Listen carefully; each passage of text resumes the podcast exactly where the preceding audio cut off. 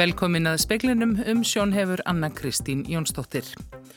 Flugfélagið Ernir ætlar að hætta áallunaflugi til Vestmanneja og bæjarstjórn segir það graf alvarlegt.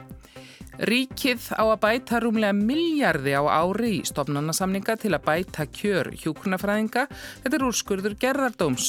Formaður félags íslenskra hjúknafræðinga segir að nú taki við viðræður um hvernig fjármunni nýtist sem best. Allmargir námsmenn voru handteknir í Minsk í dag þegar þeir mótmæltu kostningaúrslitum í Kvítarúslandi í síðasta mánuði og kröfðust þess að Lukashenko fórseti segði af sér. Skipulag í Vogabigð hefur gert hagstaðistu leiðina við gera sundabrautar ómögulega, segir Oddviti sjálfstæðismanna í borgarstjórnin. Borgarstjóri segir að nú sé verið að bera saman tvo kosti, lábrú og göng og máli sé tröstum farvegi. Forsættisráð þeirra segir mikilvægt í efnagslægð að bregðast við bæði til lengri og skemmri tíma. Rannsóknarsjóður, tæknithrónasjóður og innviðasjóður verða eldir í sérstöku þryggjára verkefni og framlög á næsta ári aukin um 50%. Flugfélagið Ernir tilur ekki sé hægt að halda út til reglulegu áætlunumflugi til vestmanniga því eftirspurnin sé svo lítill. Ótryggar aðstæður gerir það verkum ekki sé hægt að halda inn í veturina óbreyttu en hægt sé að byrja flug aftur til eiga án mikils fyrirvara ef þær breytast að því kemur fram á vef eigafrétta. Síðasta flug er ráðgjert á föstu daginn. Í gæri var öllum starfsmönnum ferjunar Herjóls sagt upp.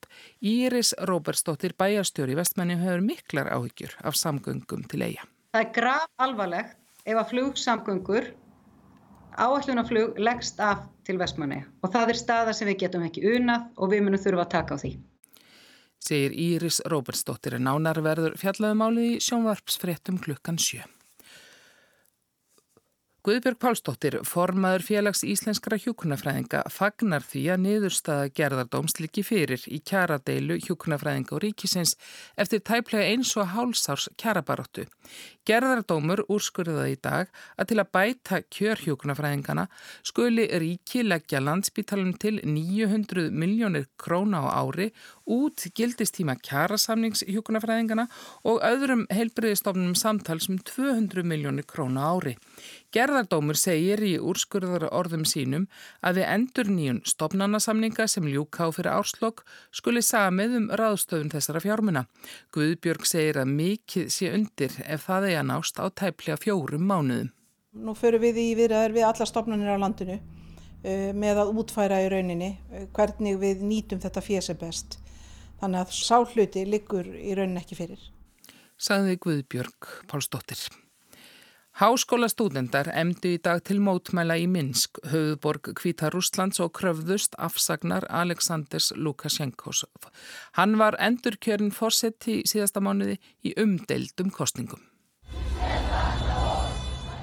Háskóla árið hóst í dag í Kvíta Rúslandi og þúsundi stúdenda í nokkrum háskólum emdu til mótmæla á göttum úti. Lögregla og öryggisveitir réðust gegn mótumælagöngu stúdenta og allmargir voru handteknir. Frettamenn Breska ríkisútvarsins verði vitnað handtökunum og segja að tveir frettamenn hafa einnig verið fangelsaðir.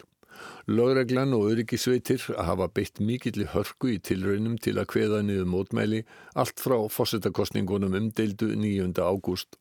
Almennt er talið að kostningatölu séu falsaðar.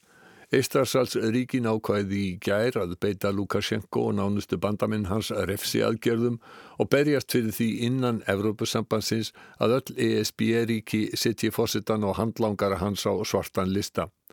Lukashenko hótaði dag að svara öllum refsi aðgerðum. Hvít rúsar gætu lokað landamærunum við Brest og Grodno, saði fósittin. А что с Белоруссией задираться? Ведь она может тоже э, границу закрыть под Брестом и Гродно. Þískar vörur eiga þá ekki greiða leið til austurs, sagði Lukashenko og bætti við að veik Ístasars að ríki skildu fara varlega.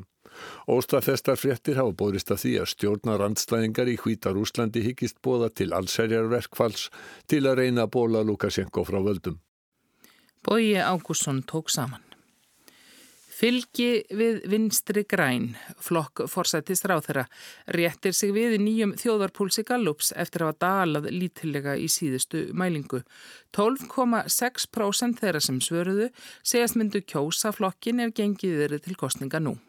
Litla breytingar hafa orðið á fylgi frambúða til alþingi síðan í síðasta mánuði. Sjálfstæðisflokkurinn nýtur enn mest fylgis kjósenda, 22,8% svarenda í þjóðarbúlsinum segjast stiðja flokkin. Meiri hluti svarenda segjast stiðja ríkistjórnina eða slett 56%. Það er aðeins hæra hlutvall en síðast. Munurinn er innan skekkjumarka. Mestur var stuðningurinn við ríkistjórnina í apríl þegar fyrri bylgja koronaveiru faraldursins náði hámarki. Þá saðist 61% svarenda stiðja stjórnina. Samanlaður stuðningur við ríkistjórnaflokkana þrjá er 43,3% nú og eikst nokkuð síðan síðast. Aukninguna má að næra öllu leiti skýra með auknum stuðningi við vinstri græn en það mingar stuðningur við sjálfstæðisflokkin um 0,4% steg og stuðningur við framsóknarflokkin ekst aðeins um 0,3% stig og er nú 7,9%. Þjóðarpólsinn var gerður dagana fjórða til 31. ágúst meðal tæplega 10.000 manns sem aldir voru handahófskent úr viðhorfahópi Gallup. Ríflega helmingur þeirra svaraði konnuninni. Birgir Þór Harðarsson saði frá og nánar en fjallaðum þetta á rúf.is. Tímamót höfðu á fundum borgarstjórnar í dag þegar í fyrsta sinn var þar bóðið upp á óundirbúnar fyrirspurnir. Þetta er tímabundið til verkefni og fimm fyrirspurnir voru borðnar upp á fundunum í dag, svo fyrsta um fyrirhugaðar framkvæmdir við sundabraut. Eithor Lagstæl Arnalds, oddviti sjálfstæðismanna, bar upp fyrstu fyrirspurnina sem var beint til borgarstjóra um samgöngu sáttmálan. Hann sagði að hagstaðasta leiðin við gerð sundabrautar hefði nú verið gerð ómöguleg vegna skipulags borgarinnar við vogabyggð. Þar séu nú hafnar framkvæmdir sem þrengja að mögulegu vekstæði brautarinnars. Því er rétt að spyrja, hvernig hyggst borgarstjóri tryggja skildu borgarinnar? Hvernig hyggst að nefna þetta? Nú er liðið ár, við hefum ekki séð einu svoni tekníkar og þertamóti virðist vera tafir og þrengingar. Dagur Bjægertsson, borgarstjóri, vísaði til niðurstöðu samráðsferils íbúa, vegagerðarinnar og borgarinnar sem lauk árið 2008. Þar var lagt til að brautin er í lagðum göng. En fjármunni til vexins hefði svo tapast í hruninu. En e, e, málið hefur verið tekið upp e, aftur á markvisan hátt og undanfjöndum árum og er nú í traustum og góðum farvegi. Samilugum hópi ríkis, borgar og fagsaflóhafna sem er að skoða sundabraut í göngum og samanburð við sundabraut á Lábrú á eh, svæðinu á móts við Holtaveg. Það er alveg ljóst að þetta er vandlist verkefni og útfæslan mjög vandasum. Og þarna klingdi fundarbjalla borgarstjórnar eftir að Dagur B. Eggersson leik málisninu. Marja Sigrun Hilmarsdóttir tók saman. Íslenskir fjallaleðsugumenn eru eitt þeirra fyrirtækja sem hefur þurft að segja upp öllum starfsmönnum sínum eftir að koronafaraldunum tók að geisa. Í ágúst var velta fyrirtækisins aðeins um 10% af veltunni á sama tíma í fyrra. Arnar Bjarnason er forstjóri íslenskra fjallaleðsugumanna. Fyrir árið síðan á erum við með 200 manns í vinnu júli og ágúst og sumari er yfirleitt háana tími okkur og þar kemur langstæðstil hlutu veltunar sem að hátt í 600 miljónar velta þessar tvo mánu. Strax í mars þegar veirufaraldarinn skall á var öllu með stuttan uppsagnafrest sagt upp. Eftir að stjórnvöld kynntu hlutabótileðina var 85% starfsmanna sagt upp 1. mæi með henni. Og síðan var restinni sagt upp 1. júni, en mánumóti þá. Þannig að rauninni núna, um þessi mánumóti, eru um tíu manns eftir í fyrirtækinu sem eru öll búin að vera á þessana fresti eh, frá 1. júni. Þeir starfsmenn hafa verið ráðinir aftur í skertu starfslutfalli eða með hlutabótaleið. Þannig að við erum að munum nýta hlutabótaleiðin alveg klálega og hún verður samtitt aftur. Við tökum bara einn mánu einu sko. Menn eru búin með alla fjármögnunar leiði sko. Hann segir fyrirtækið hafa verið undibúið undir það versta. Búið sé að frista lán fyrirtækisins hjá bankanum og framöndan sé að framlengja þær fristingar í um sex mánuði í viðbútt. Bókanir fyrir september og oktober hafi alveg stoppað og afbókanir rannast inn eftir að hert var á skimun og sótt hví komufarþega til landsins. Trátt fyrir að Íslandingar hafi nýtt tjónustu fyrirtækisins í sumar hafi veldan verið brota brot af veldunni fyrra. Það var samt þokkalegt að gera í ákveðnum tjónustu aðvörnum sem við erum með en það er samt svo lítið hluti af heldinu sko. Veltið 300 miljónum bara í ágústi fyrra við erum að velta núna er svona 22, er ekki meira sagði Arnar Bjarnason, valgerður átnadóttir rætti við hann.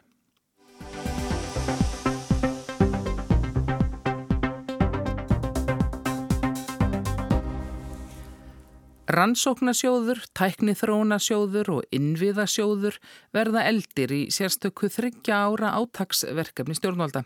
Framlög á næsta ári verða aukinum 50% miðað við fjárlögin í ár. Forsættisráð þeirra segir mikilvægt nú þegar við stöndum frammi fyrir efnahagslæð að bregðast við bæði til skemmri og lengri tíma. Vísinda og tæknir á samþýtti morgun er vísinda og tæknistefnu fyrir árin 2020 til 2022 og ríkistjótun hefur lagt blessun sína yfir þau áform sem að þar koma fram. Stefnan er endur skoða á tveggjára fresti, nú er Karsljósunu beintað tíu markmiðum.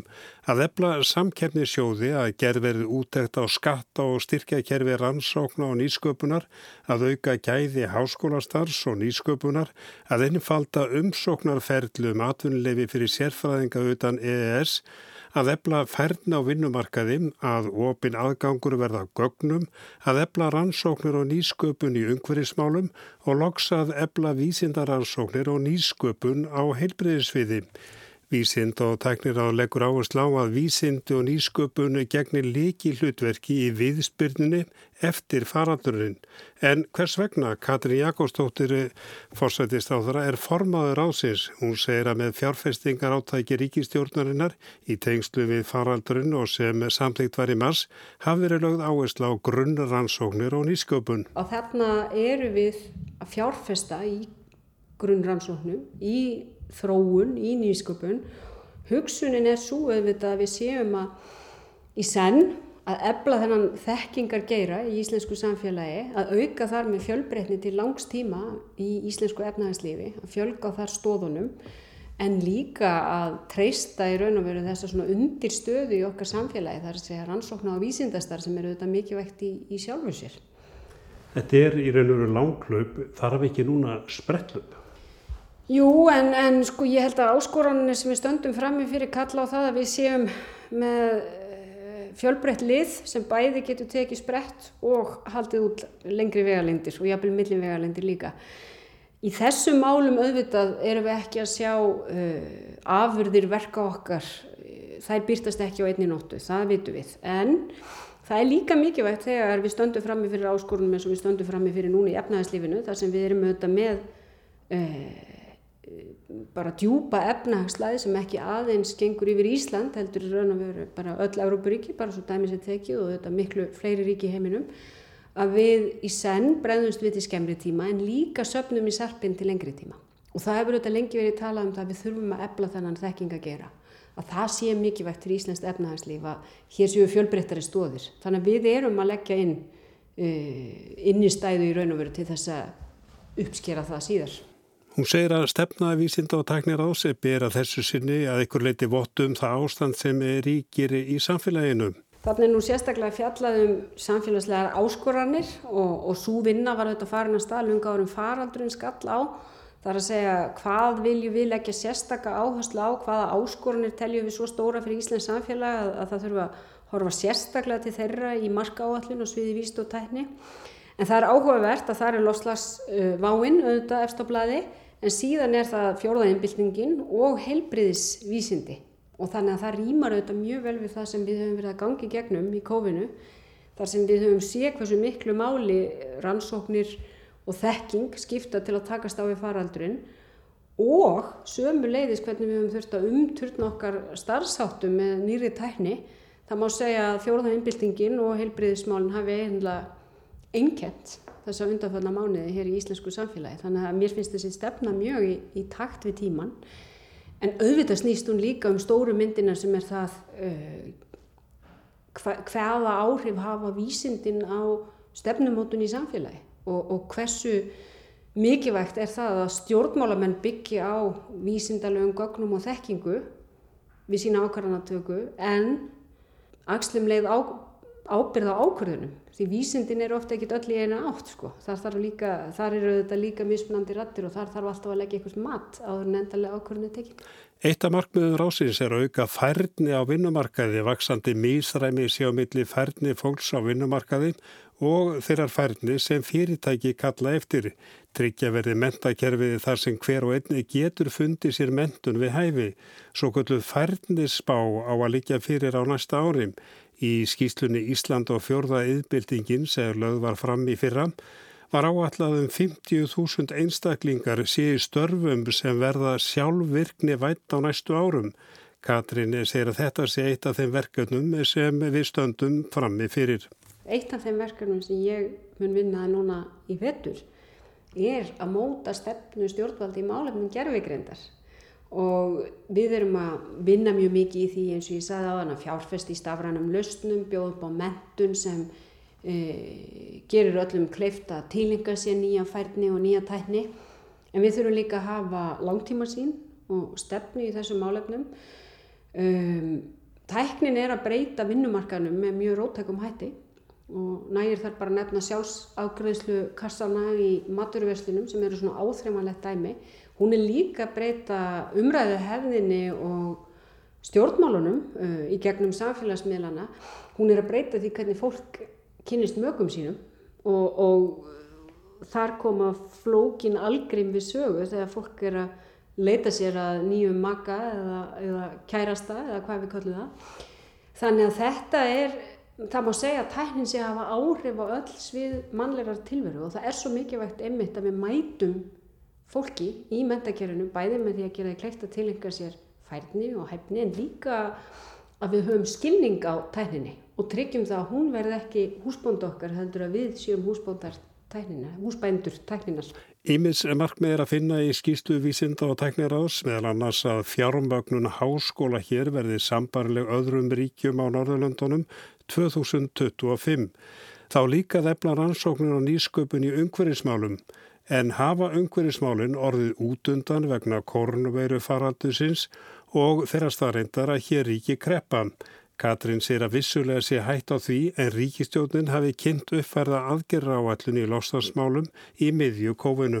Og við teljum að það sé ekkert í þessu ástandi sem kalla og við breytum eitthvað okkar stefnum við. Við teljum að við sem að fara að ná að uppfylla uh, markmið Parísasáttmálans ef við náum að hrinda þeim aðgerðum í frangan sem eru fyrirhugar Við teljum að við getum náð markmiðnum að Ísland verði kólefnislutlaust ekki setnin 2040.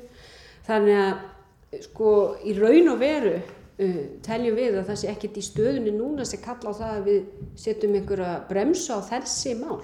Það er mjög mikilvægt einmitt að það verði ekki að við höldum okkur stryki og, og nýtum okkur alla þá þekkingu sem við hefum verið að byggja upp á undanfennum ánum til að myndi grænum lausnum. Þessin er hluti af þessum fjárfestingum, þessum aukalögu fjárfestingu sem við hefum verið að ráðast í snúast um orkuskipti og snúast um lofslagsmál.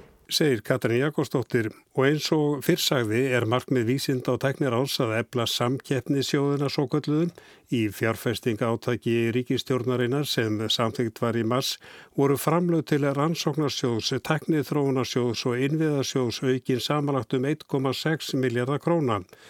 Nú hefur verið ákveð að þeir verið eldir enn meira í tímabundu átagsverkefni sem stendur yfir næstu þrjú ár með að við þau framlög sem gert var áð fyrir í fjárlögum þessa ás eiga framlög til sjóðana að hækkum með 50 af 100. Framlög til dæmis til er ansóknarsjóðs voru í fjárlögum tæpir 2,5 miljardur króna sem þýðrað á næsta ári aukastu um 1,2 miljardar króna. Arna Páll Haugsson saði frá og talaði við Katrínu Jakobsdóttur.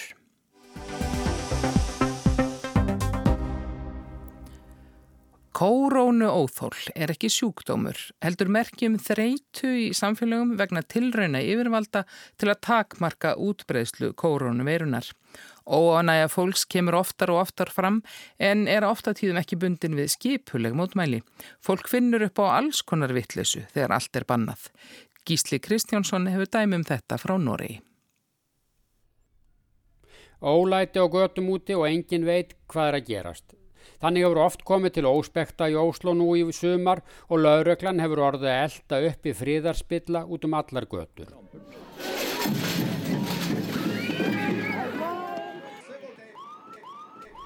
Dugir eru handteknir og þegar farið er að týna brotamennina út úr lauruglubílunum kemur ljós að flestir eru undir lögaldri og hafa ekkert skemmtilegar að gera en að vera með háfaða. Í þessu tilviki var lítill hópur að miðaldra fólki að mótmæla meintum auknum áhrifum í Íslam í landinu. Unglingar gripu tækjafærið og spiltu samkominni og allt endaði í óspektum, miklu meiri látum en nokkur átti vona á. Það er einfallega minna um skemmtanir og spennu en var fyrir komu koronaveirunar til landsins. Yfirleitt er minna um að vera í samfélaginu en fólk er vant til. Þetta á jafn við um ferðalög sem kvikmyndasýningar. Allt er takmörkunum háð vegna smittættu. Ekki má einu sinni skreppa yfir til svíþjóðar að kaupa eitthvað ótýrt þar. Skólar eru þó blessunarlega opnir á flestum stöðum en margir voru orðni leiðir á eilífu heimanámi í vor.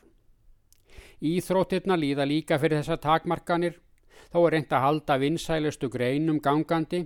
Það er hægt að horfa á fótbolta í sjónvarpi en áhorfendastúkur eru áberandi tómar. Allar helgar eru leikir í atvinnudeldunum í fótbolta. Það hefur verið skemmtun þúsundamanna oft ungs fólks. Núna mega bara 200 áhervendur koma á leik og tölur sína að aðeins 172 hafa mættað með alltali. Æfingar og leikir hinn að fjölmörgu áhuga liða í mörgum deildum og aldursflokkum eru enn við líði en miklu minnan var. Það er ekkert að gerast á völlunum. Og hvað á fólkið sem áður hljóp og sparkaði í töðurur að gera? Jú það hópast heldur saman og efnir til óláta og ólöglegra skemmtana. Yfirvöld segja núna sé meiri hætt á smiti í heimahúsum og engasangkvæmum en á ofinbennum samkomum. Þetta gerist æg oftar á þessu hausti og er rakið til svo kallas korona-óþóls. Fólk, sérstaklega ungt fólk, er orðið leitt á takmörkunum á frelsi, stöðugt nýjum reglum um hvað má og hvað ekki má vegna smittættu. Fæstir hafa þó heyrta af smiti meðal sinna kunningja Kórunusmitt er raunar afar sjálfgeft og aðgerðir og reglur yfirvalda miða því að koma í veg fyrir eitthvað gerist. Lítið hefur hins vegar heyrst af skipulegri gaggrínu á ákvarðanir yfirvalda en fréttir af óerðum sunnar í Evrópu benda til að hér gæti líka komið til uppþóta þessu stefnu yfirvalda er mótmælt. Hér hefur enn sem komið er mest borð á tilviljuna kendum uppákomum sem eru raktar til óanæju með þetta nýja lífsmynstur þar sem allt er takmörkunum háð. Vandin er ekkert að vera gerst í lífi margra í hálft ár annað en takmarkanir á ferðalögum og takmarkanir á skemmtunum. Öllu slegið á frest bæði fermingum og utanlandsferðum. Oft eru færi möguleikar á vinnu, til dæmis aukavinnu sem skólafólk hefur gengið í við afgreðslu og þjónustu. Lengri frítími en áður en minna við frítíman að gera. Umtölu danskjemtun í gömlu loftvarnarbyrgi hér í Óslo um liðina helgi er rakin til þessa óþóls.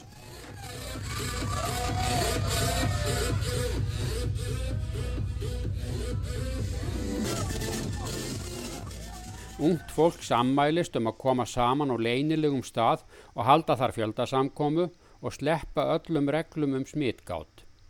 Þetta endaði nær í stórslisi vegna loftleysis og koltvísýrings. Á sama tíma sína viðhorskannanir að trausta á yfirvöldum fyrir heldur dalandi. Í mars og april í vor treystuna er allir því að yfirvöld gerður rétt í aðgerðum sínum til að hefta útbreyslu verunar. Núna hefur 15 landsmanna ekki lengur trú á þessum tiltektum. Í dag var starfsemi landsbyttalans færið af hættustígi sem hefur verið áfráði í voru vegna kóronveru faraldursins niður á óvissustig. Dagleg stjórnun færist í hefbundi form, takmarkanir og heimsóknum eru rimkaðar svo nokkuð sé nefnt. Anna Sigrun Baldurstóttir, aðstofnaður forstjóraspítalans, telur þó að starfsemin færist líklega ekki alveg í sama horf og var fyrir farsótt. Ímislegt af því sem tekið hefur upp vegna hennar skili árangri í baráttu við annað en koronaviru. Hún tekur til þess að spítalinn fór aldrei upp á neyðarstig í viðbúnaði sínum, einfallega vegna þess að hann réði við ástandið en það hefur enga síður haft áhrif á starfsemina. Þau áhrifum semleis bara áfram jafnvel og förum af hættustígi uh, og í raun og veru breytir það ekki neinum stórkurslu í okkar viðbröðum að örlutin því að það lofs svo lítið um, um hömlur á, á heimsóknir og, og hvernig fólk getur komið til okkar á dag og alls konar svo les en áfram eru til þess að við tvekjametarreglanir er mjög ströngja okkur og maskanótkun er almenn og, og svo framvegs og það mun henda áfram þrátt fyrir þetta. Þess að er á, á hættustíði þá múið segja að stjórnskipun spítalans breytist að því leitin hún færist í hendur viðbrastjórnar og farsóttanendar. Nú erum við komin aftur á það að, að það er frangatustjóð sem stýrir spítalunum eftir sem áður en farsóttanend fundar en án viðbrastjóðar. En eru nokkrar hömlur í reglum um heimsóknir á spítalun og verða áfram um sinn, segir Anna Sigrun. En við höfum býstna strángar reglur öllu jafna en í þessu ástandi en þá frekar og við erum með takmarkaðan tíma innan dagsins, takmarkaðan fjölda og svo framveg sko. og það mun halda áfram. En þetta við gerðum talsverða takmarkaðni meðal annars á heimsóknir á gungudeldir meðal annars í ómun hjá okkur konum og er sem sagt verða að breyta.